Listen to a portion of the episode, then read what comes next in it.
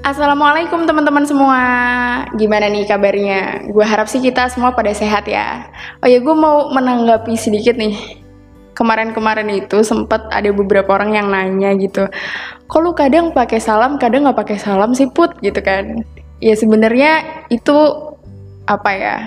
Ada beberapa yang ada yang enggak ya pokoknya kalau gue udah salam intinya kita nggak bakal ke dunia diksi-diksian atau yang merenung-merenung gitu ya. Pokoknya kita bakalan santai sesantai mungkin gitu. Nah terus di episode kali ini kita mau bahas apaan nih gitu.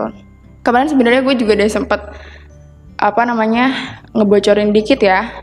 Tapi kurang lebih nih podcast kali ini spesial gue persembahkan uh, buat kalian yang mungkin selama 2 tahun sekolah nih kalian ngerasa kok kayaknya gue nggak ngapa-ngapain ya selama sekolah? gitu. Terus di tahun terakhir kalian merasa kayak mau berubah kayak nggak berguna gitu. Gue mau SNM udah nggak mungkin. Ya udahlah kalaupun sekarang gue serius di semester 5 gitu juga nggak ngaruh apa-apa buat SNM gue gitu kan. Mungkin ada yang mikir kayak gitu.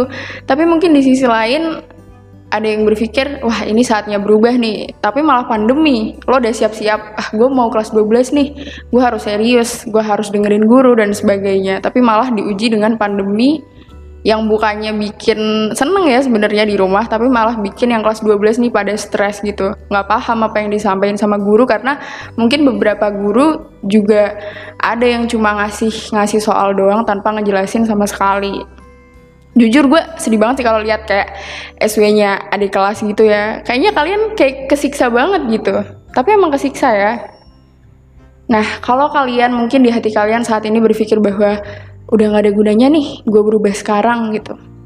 Pertanyaan gue, apa benar ketika kalian berubah saat ini, perubahan sekecil apa pun, itu gak akan berpengaruh apa-apa?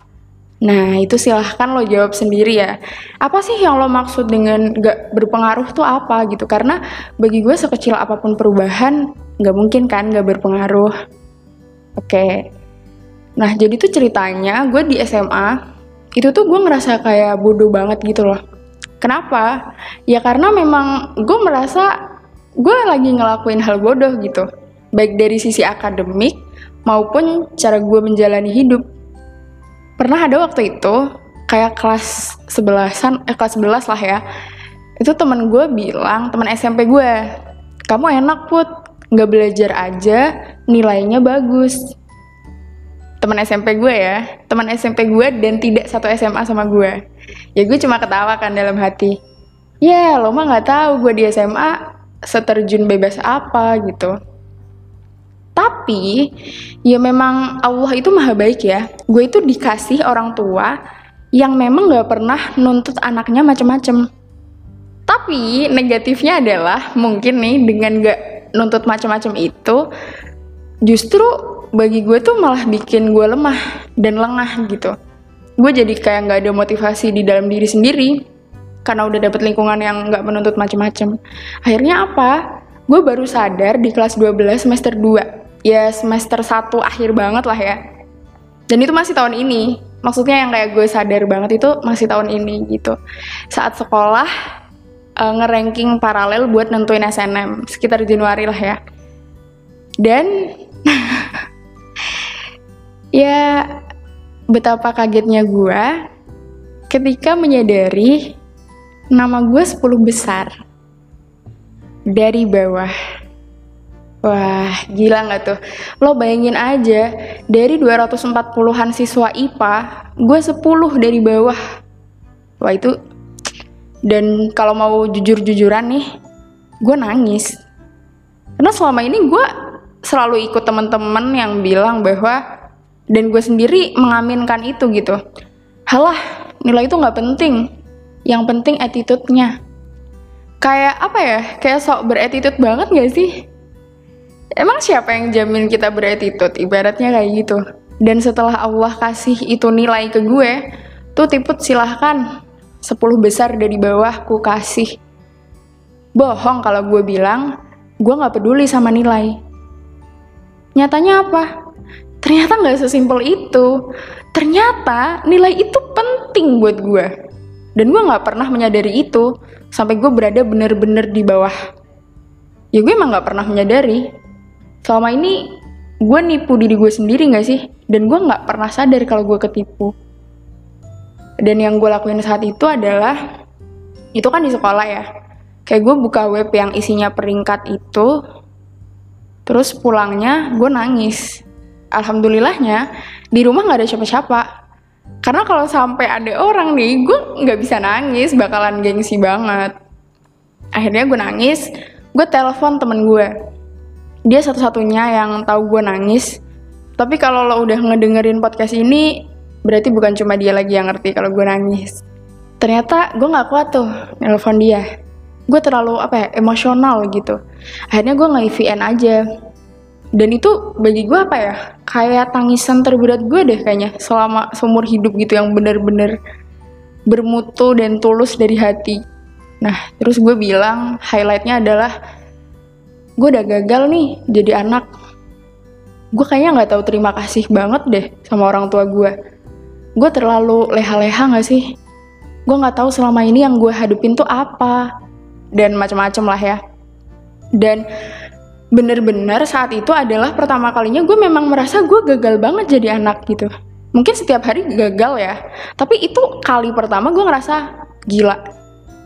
Gue udah gagal gitu gue ceritain gue tumpahin segala isi hati gue kan ke dia gue bilang gue nggak pernah nih ada di titik ini tapi gue sadar ini murni kesalahan gue akhirnya dia bilang tuh nggak apa-apa has mungkin karena dulu kamu nggak pernah ada di bawah sekarang Allah pengen ngasih kamu ngerasain rasanya ada di bawah. Toh nggak bisa diulang kan? Nyesel selalu di akhir. Ya sebenarnya dia nggak ngehibur apa-apa ya, tapi gue senang-senang aja gitu. Karena gue memang gak sedang nyari solusi dan pembenaran. Tapi gue pengen aja gitu numpahin isi hati gue. Terus dia nanya tuh, masih ada ujian apa lagi? Gue jawab, USBN sama UN. Ya udahlah jadiin kata dia. Kamu masih punya dua kesempatan, itu yang bisa diusahain. Yang lain udah gak bisa, mau balik juga gak bisa kan? Oke, okay, gue bilang. Akhirnya buat nguatin itu, gue ikrar ke dia. Ini gue masih ada nih, gini bunyinya. Ini sorry ya kalau misalnya ada kata-kata yang salah gitu penempatannya. Ini gue gak gue edit sama sekali karena pas itu mungkin saking emosionalnya ya. Oke. Okay. Bismillahirrahmanirrahim. Saya Hasna Atifa dengan sadar ingin mengucapkan sebesar-besarnya rasa terima kasih kepada Allah Subhanahu wa taala karena telah memberi saya hadiah hari ini. Tangis yang saya sadar bahwa ada kompensasi darinya kecewa yang saya yakin akan ada impact darinya, air mata yang saya yakin tulusnya, menjadi saksi kesadaran saya hari ini bahwa hidup memang perlu bercanda, tapi tak sebercanda itu. Saya Hasna Atifa, sadar penuh apa yang saya rasakan detik ini. Saya bersyukur pada Allah telah membelai saya hari ini. Bisa jadi nilai itu yang akan membawa saya pada rasa semangat. Bisa jadi, nilai itu yang membawa saya lebih sadar prioritas. Bisa jadi, nilai itu yang membawa saya lebih sadar prioritas. Bisa jadi, jika saya mendapat nilai di tengah-tengah, justru membuat saya lemah. Bisa jadi tangis malam ini tak muncul karena merasa masih baik-baik saja tapi saya dengan sadar menyadari bahwa saya sedang tidak baik-baik saja. Saya Hasna Atifa ingin mengupayakan pemulihan untuk diri saya sendiri. Saya ingin membanggakan orang-orang yang saya cintai. Saya ingin membanggakan diri saya sendiri. Mulai hari ini, saya Hasna Atifa berjanji untuk bersungguh-sungguh dalam menggapai impian saya. Memperoleh rata-rata UN 90 dengan nilai masing-masing tidak kurang dari 85. Memperoleh nilai UTBK 800 dan menginjakan kaki sebagai mahasiswa baru Psikologi UGM 2020. Saya tahu dan saya sadar bahwa untuk menuju tujuan saya dan mewujudkan impian saya, dibutuhkan usaha yang sesuai. Maka saya berjanji akan menyesuaikan diri mulai hari ini. Segala hal yang mendukung pencapaian cita-cita saya akan saya maksimalkan. Dan segala hal yang menghambat pencapaian cita-cita saya akan saya hindari. Semoga Allah menyaksikan persaksian saya. Semoga Allah meridhoi harapan saya. Semoga Allah mudahkan dan berkahi jalan saya menuju cita-cita saya. Allahumma la sahla illa ma ja'altahu sahla wa anta taj'alul hazna idza syi'ta sahla. Amin ya rabbal alamin. Tiput 6 Januari 2020. Jadi gitu tuh. Abis gue dapat kabar yang bener-bener bikin shock, gue merasa gue perlu nyuratin diri gue sendiri gitu. Nah mungkin nih besok mungkin kan, atau mungkin hari ini, mungkin kalian lagi kecewa sama diri kalian sendiri. Kalian bisa kok kasih surat ke dia gitu. Karena mungkin selama ini nggak ada yang perhatian sama diri kalian gitu kan. Nggak ada yang nanyain gimana kabar, nggak ada yang ngehibur. Ya kalau nggak ada, ya hibur diri kalian sendiri gitu. Kasih surat buat dia. Kalian pengennya kayak gimana sih? Apa sih harapan kalian untuk diri kalian sendiri kayak gitu tuh? Mungkin itu akan bisa jadi apa ya? bisa jadi afirmasi buat diri kita sendiri gitu. Boleh loh dicoba, siapa tahu. Karena gue setelah uh, bikin itu, perasaan gue tuh bener-bener yang tenang banget. Kayak enakan aja, kayak badan tuh lebih ringan gitu. Habis itu, gue bilang ke dia, ke teman gue tuh, please ya ingetin gue, biar gue inget sama ikrar ini. Kalau gue lupa ingetin gue lah gitu.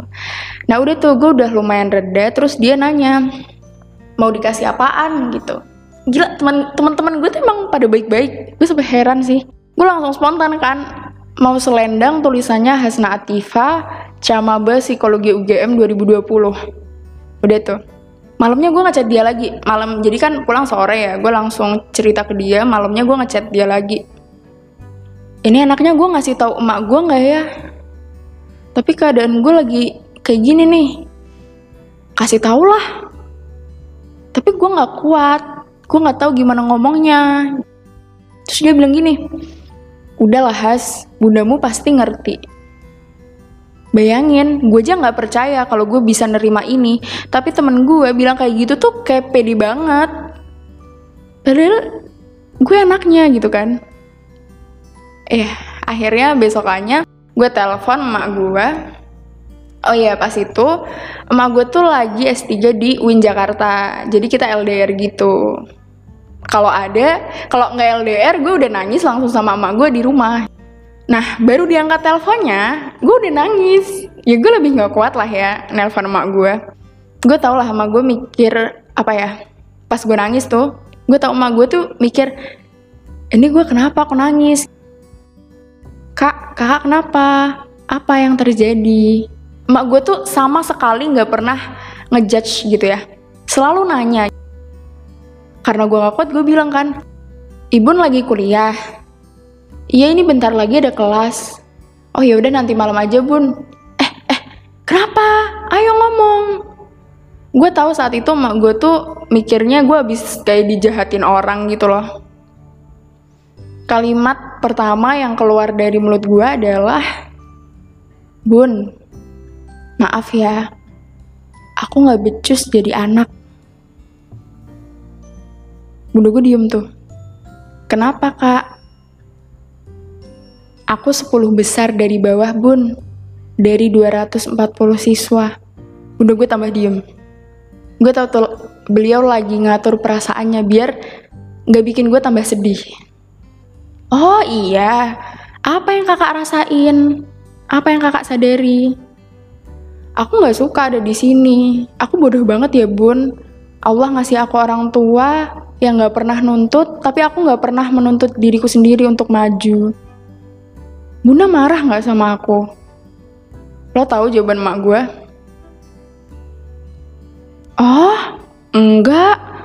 Bunda malah seneng kakak sedih. Berarti kakak sedang menyadari kalau kakak sedang nggak baik-baik aja. Justru kalau kakak biasa aja, Bunda malah sedih. Makasih ya kak udah cerita. Gila gak sih? Abis itu ya, gue terus ya lega banget. Bener-bener yang, wah, gue harusnya cerita dari kemarin gitu. Gue langsung ngabarin teman gue kan, gila bunda gue gak marah sama sekali coy.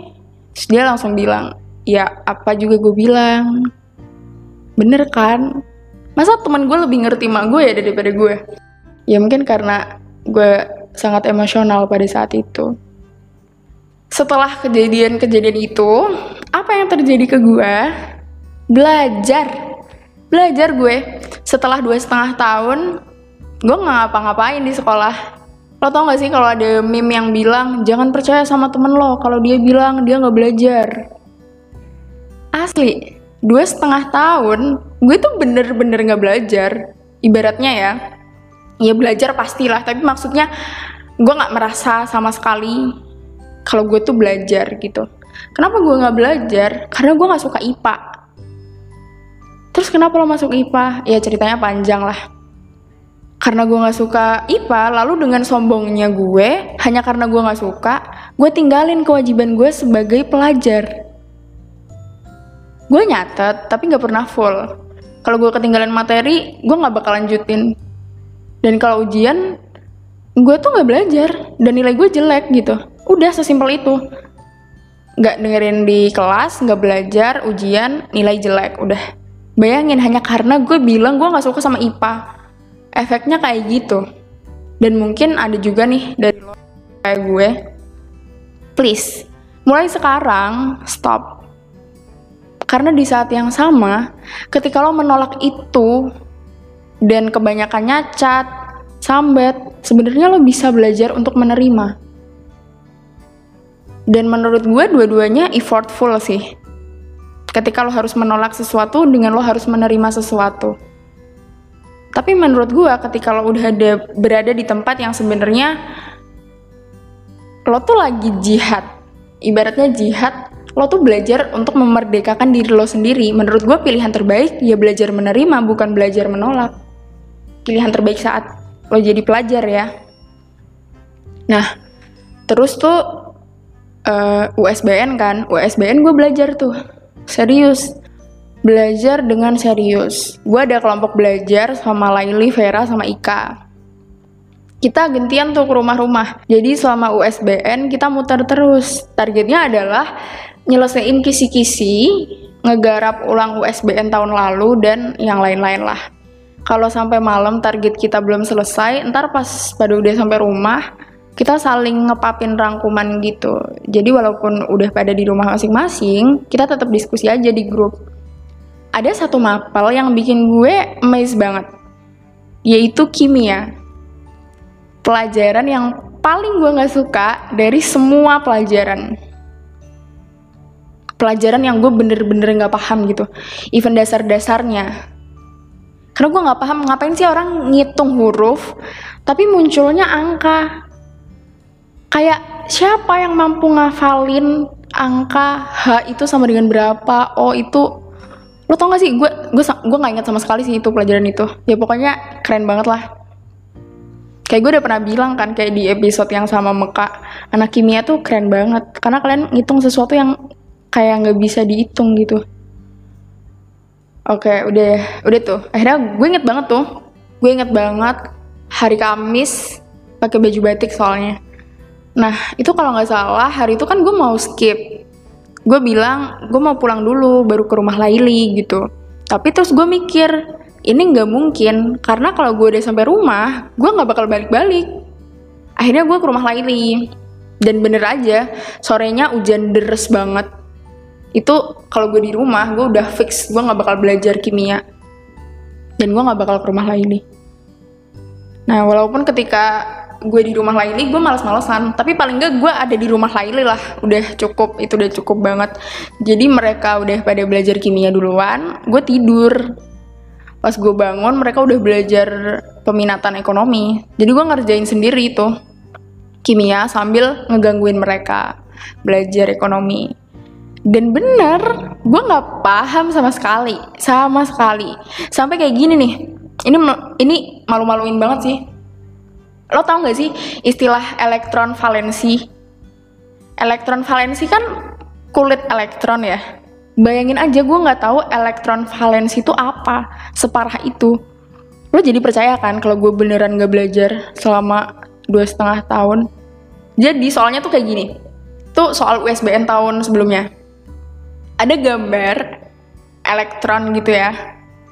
Pertanyaannya adalah berapa elektron valensinya? Lo paham gak sih? Gambarnya udah jelas. Tapi karena gue nggak tahu apa itu elektron valensi gue nggak bisa jawab. Padahal itu kayak cuma soal lo cuma ngitung lingkaran-lingkaran di kayak kayak tambah-tambahan. Dan gue nggak tahu separah itu dan akhirnya gue sadar wah gila sih gue bener-bener bukan sekedar nggak belajar dan bukan sekedar goblok gitu. Tapi gue memang nggak mau belajar. Kalau sampai hal-hal kayak gini gue nggak tahu. Berarti gue emang atensi gue rendah banget gitu. Ini adalah hal yang menurut gue paling penting.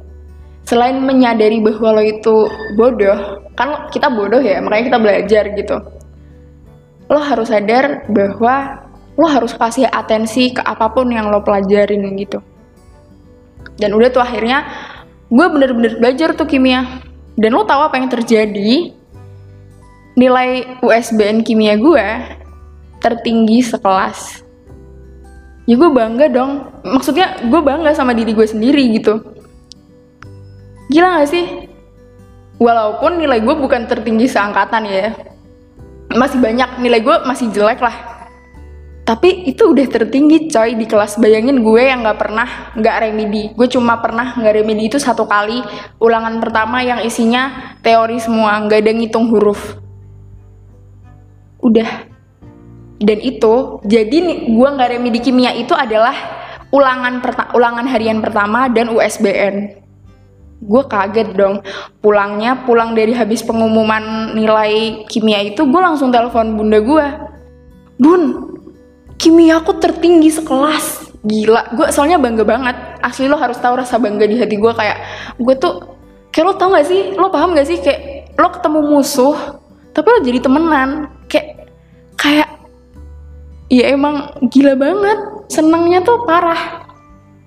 Udah tuh. Akhirnya dari situ tuh gue udah dari satu hal itu satu poin itu gue udah nemuin banyak banget pelajaran bahwa kadang tuh kita ya tadi kita terlalu pengen nolak seakan-akan apa ya musuh bebuyutan gitu padahal kita kenalan aja belum pernah ibaratnya ya ajak pelajaran yang gak lo suka buat ngobrol. Lo pasti pernah deh, uh, lo punya geng mungkin gitu kan.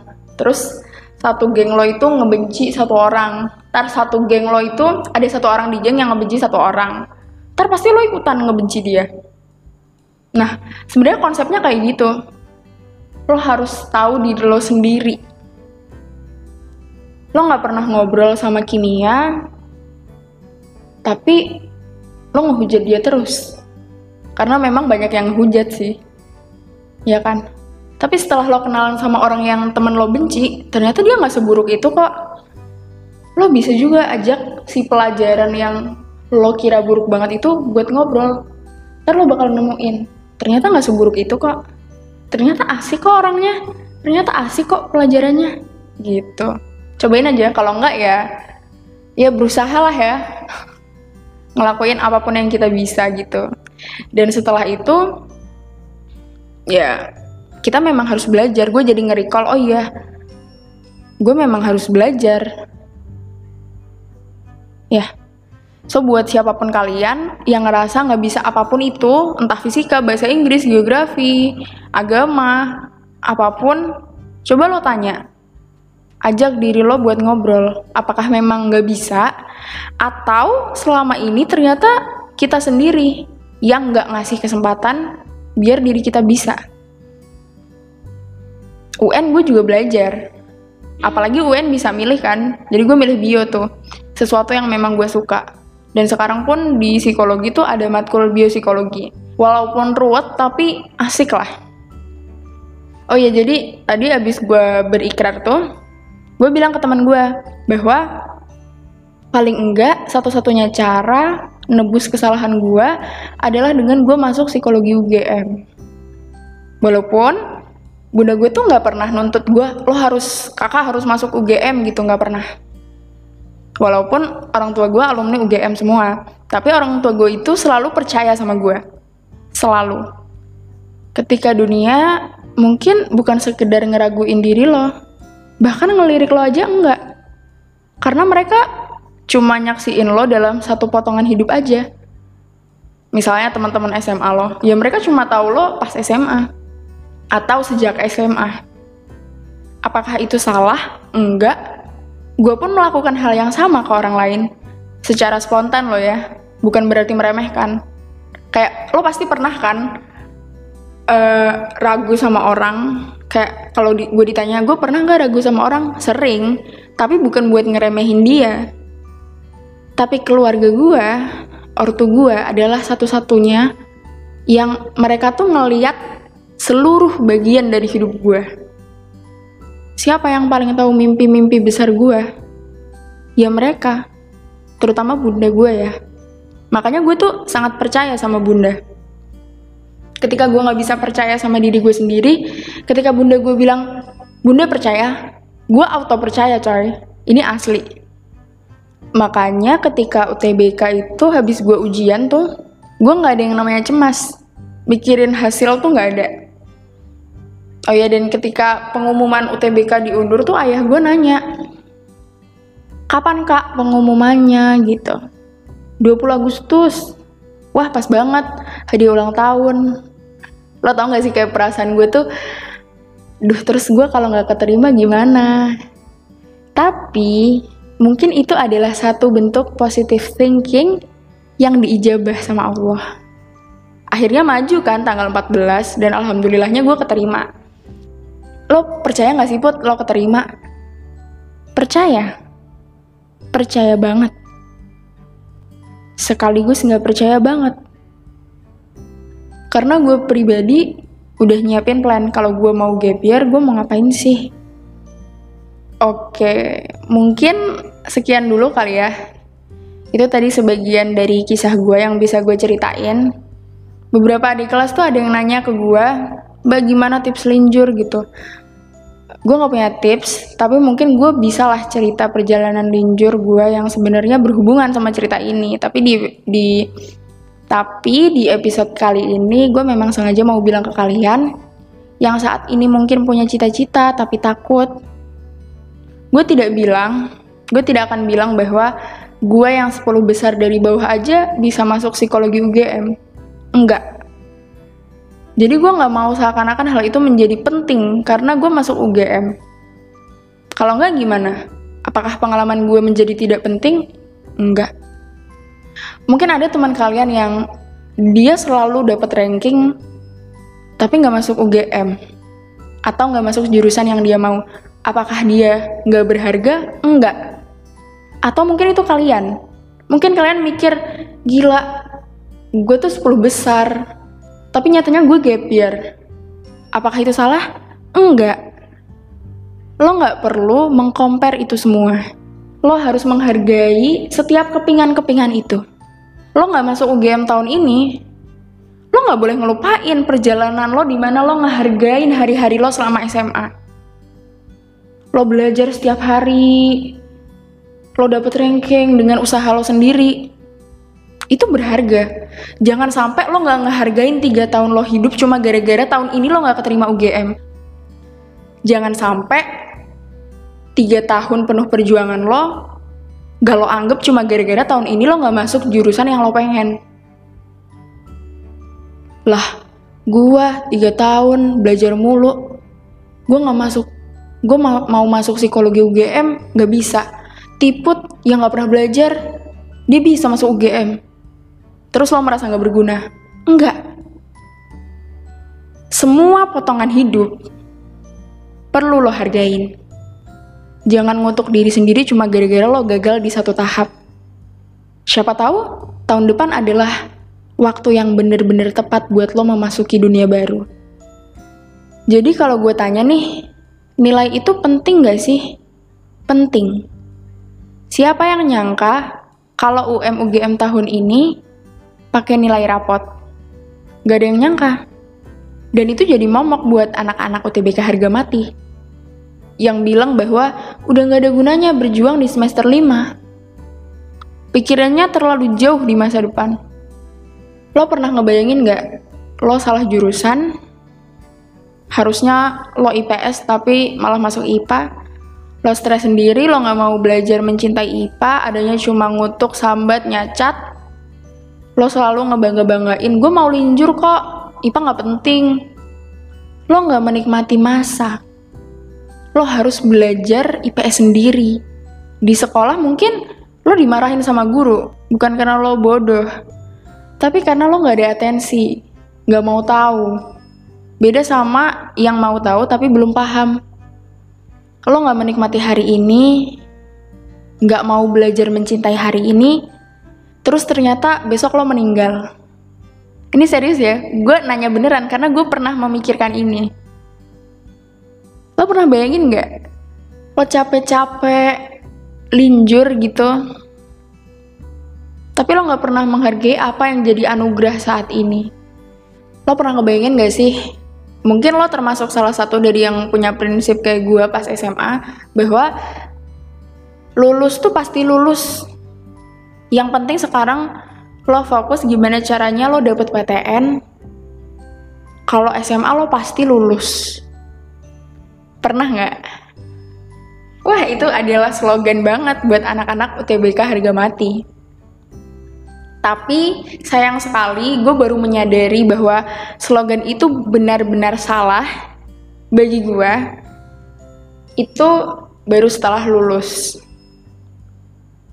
Maknanya di gue tuh bener-bener negatif sebenarnya.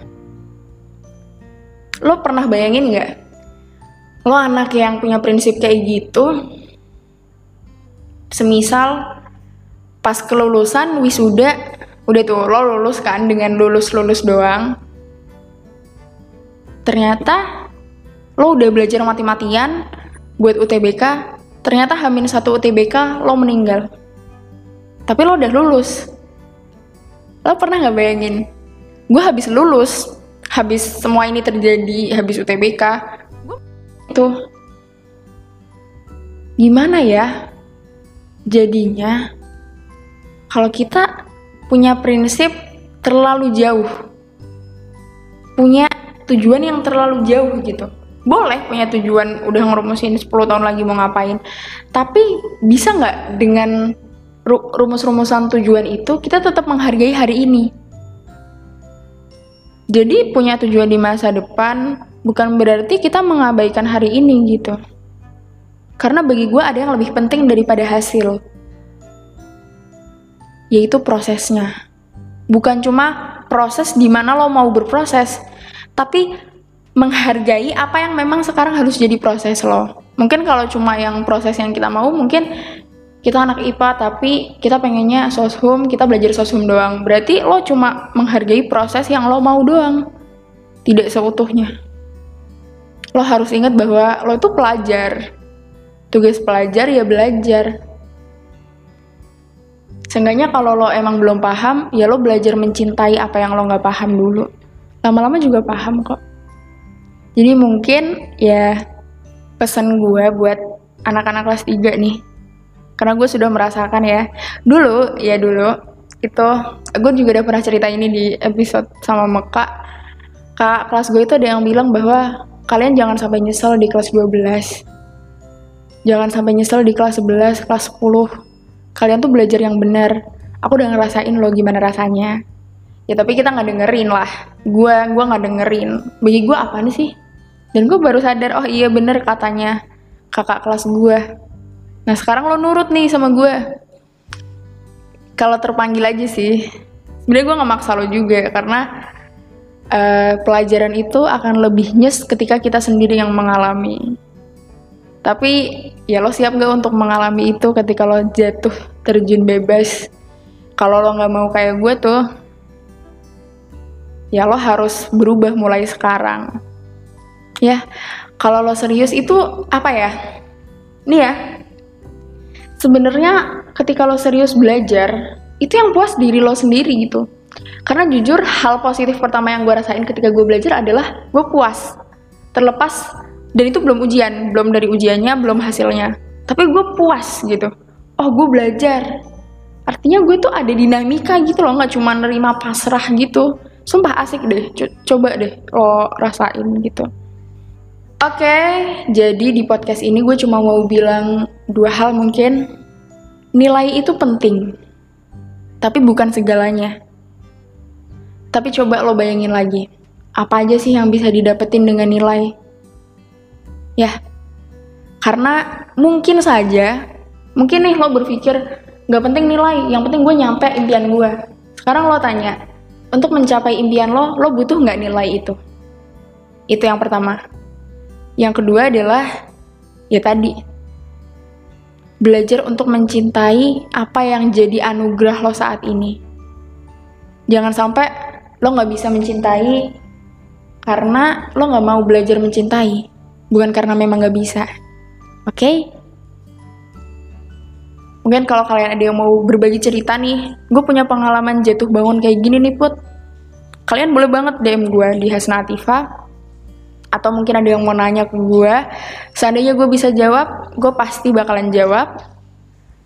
Atau mungkin ntar lo bisa uh, follow Instagram gue. Mungkin kadang-kadang gue bikin Q&A gitu. Selama gue bisa jawab, selama gue bisa ngasih penjelasan ke lo, insya Allah gue jawab tapi kalau gue nggak bisa mungkin gue akan nyaranin lo tanya ke siapa gitu karena gue nggak mau menjawab sesuatu yang mungkin gue belum pernah mengalami atau gue nggak punya gambaran tentang itulah ya oke sekian aja dari gue gue harap kalian semua nih yang kelas 3 bisa ngambil kalian pasti udah punya pengalaman kalian sendiri-sendiri gue harap kalian bisa mengambil makna terbaik dari setiap pijakan-pijakan yang kalian lewati. Sekian aja dari gue. Sampai jumpa di episode selanjutnya. Wassalamualaikum warahmatullahi wabarakatuh.